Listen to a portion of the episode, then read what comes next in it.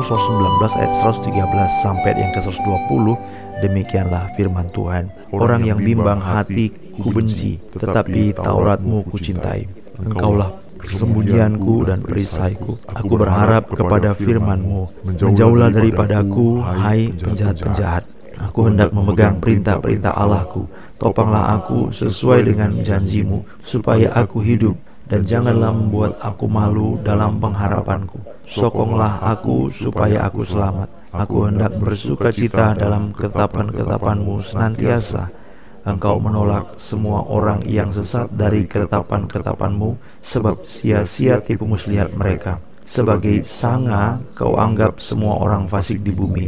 Sebab itu aku mencintai peringatan-peringatanmu Badanku gemetar karena ketakutan terhadap engkau. Aku takut kepada penghukumanmu. Sampai di sini pembacaan kitab suci. Puji Tuhan.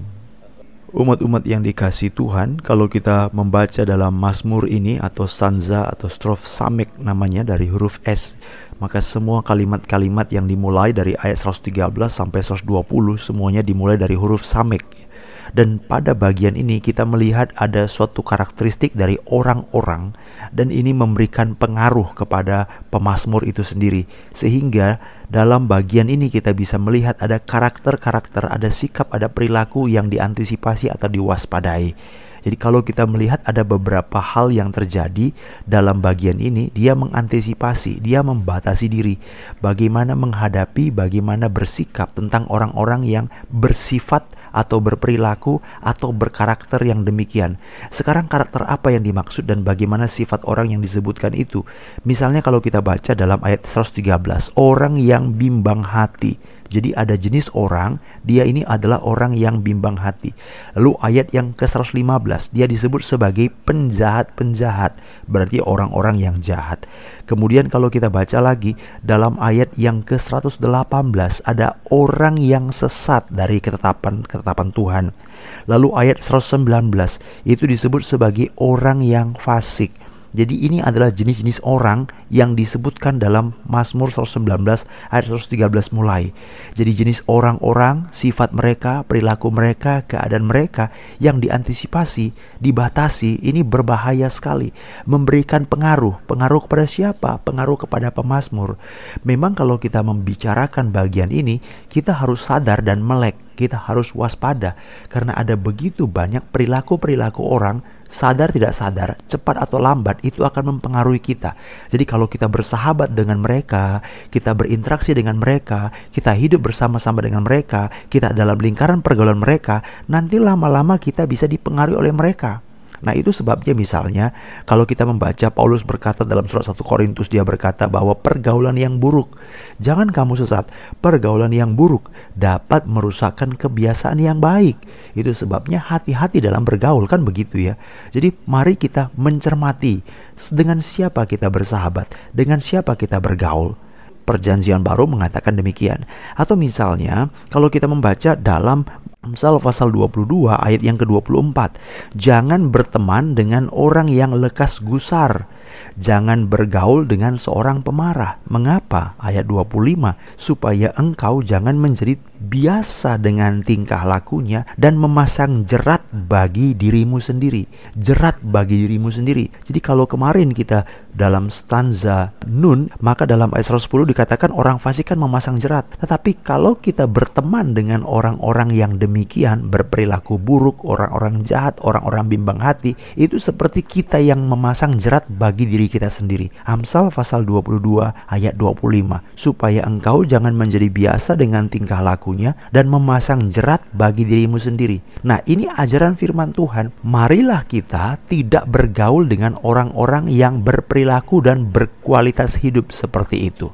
Itu sebabnya dalam ayat 113 dia mulai, orang yang bimbang hati aku benci dia tidak bergaul, tidak bersahabat, tidak memiliki interaksi yang penuh, tidak memiliki keyakinan yang sungguh dan total, tidak mempercayakan diri kepada orang-orang yang demikian. Mazmur 119 ayat 113, orang yang bimbang hati aku benci.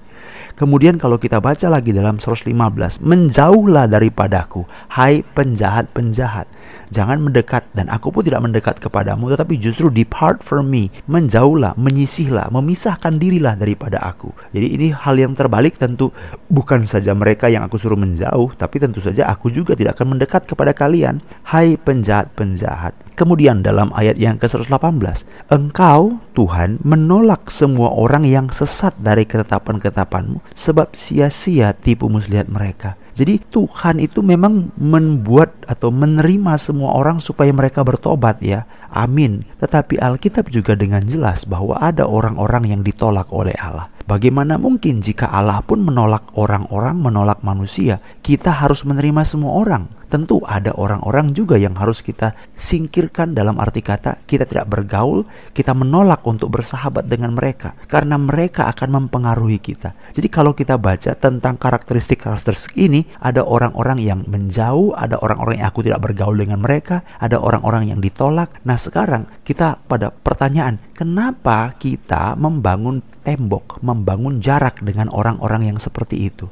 Tadi kita sudah bicarakan bahwa supaya kita tidak rusak pergaulan, supaya kita tidak biasa dengan tingkah laku mereka.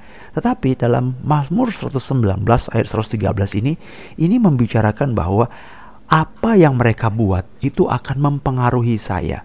Dalam hal apa mempengaruhinya? Mazmur 119 ayat 113 mempengaruhinya seperti ini. Orang yang bimbang hatiku benci, tetapi Tauratmu ku cintai. Maksudnya dengan bersahabat dengan orang yang bimbang hati, maka aku tidak lagi mencintai Taurat Tuhan. Jadi itu sebabnya surat Yohanes, janganlah engkau mencintai dunia ini.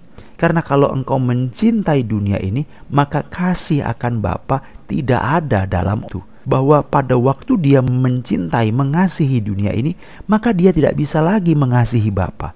Dia tidak lagi mengasihi karena sudah kasih yang dia miliki satu-satunya itu sudah dimiliki oleh orang lain, yaitu kasih yang memiliki dunia itu.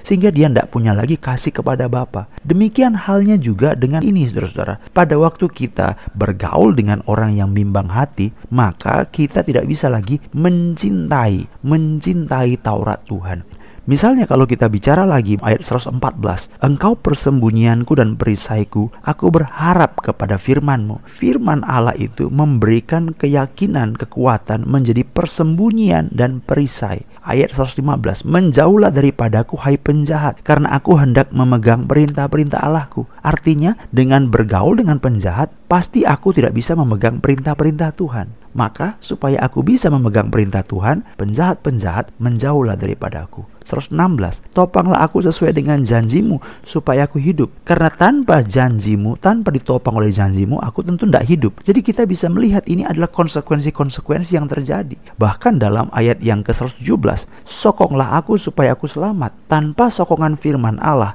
maka aku akan binasa.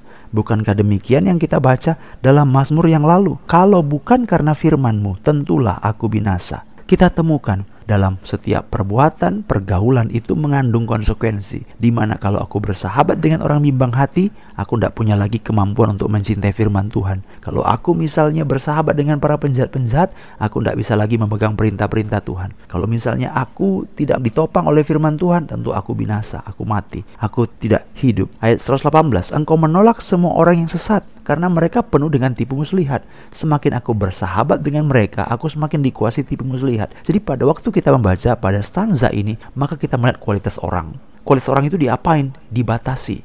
Kita harus mencermati, kita harus memilih kepada siapa kita berteman, kepada siapa kita bergaul. Kenapa sih aku harus memilih? Karena itu akan mempengaruhi kita. Mempengaruhi lama apa? Waktu engkau bersahabat dengan mereka, engkau mencintai mereka, maka engkau tidak lagi mencintai firman Tuhan. Ini hal yang sangat mengerikan sekali sesuatu hal yang diberikan oleh Allah untuk kita waspadai. Oleh sebab itu umat-umat Tuhan, bagaimana apa yang harus kita lakukan? Dalam Mazmur ini ada hal yang diingatkan kepada kita dan merupakan satu hal yang sangat penting. Mari kita baca dalam ayat 120. Betapa dia mengagungkan firman Tuhan, betapa firman Tuhan menguasai hidupnya. Ayat 120 dikatakan begini, Badanku gemetar karena ketakutan terhadap engkau. Betapa gentar dia, betapa takut dia, betapa dia menghormati firman Tuhan, betapa menghormati Allah, sehingga dia berkata, "Badanku gemetar karena ketakutan terhadap engkau. Aku takut kepada penghukumanmu." Jadi ini bukan bicara hanya sekedar demi diri saya. Ini bukan hanya bicara hanya demi saya tidak tercemar. Ini bukan bicara hanya demi supaya saya bisa selamat, bukan. Tetapi bagaimana dia menghormati Tuhan, memuliakan Tuhan, dan supaya kehendak Tuhan dinyatakan. Dia berkata dua kalimat ini, ayat 120. Badanku gemetar karena takut akan Tuhan. Yang kedua, aku takut kepada penghukuman. Jadi biarlah Tuhan tolong kita semakin hari semakin takut akan Tuhan. Mari kita berdoa.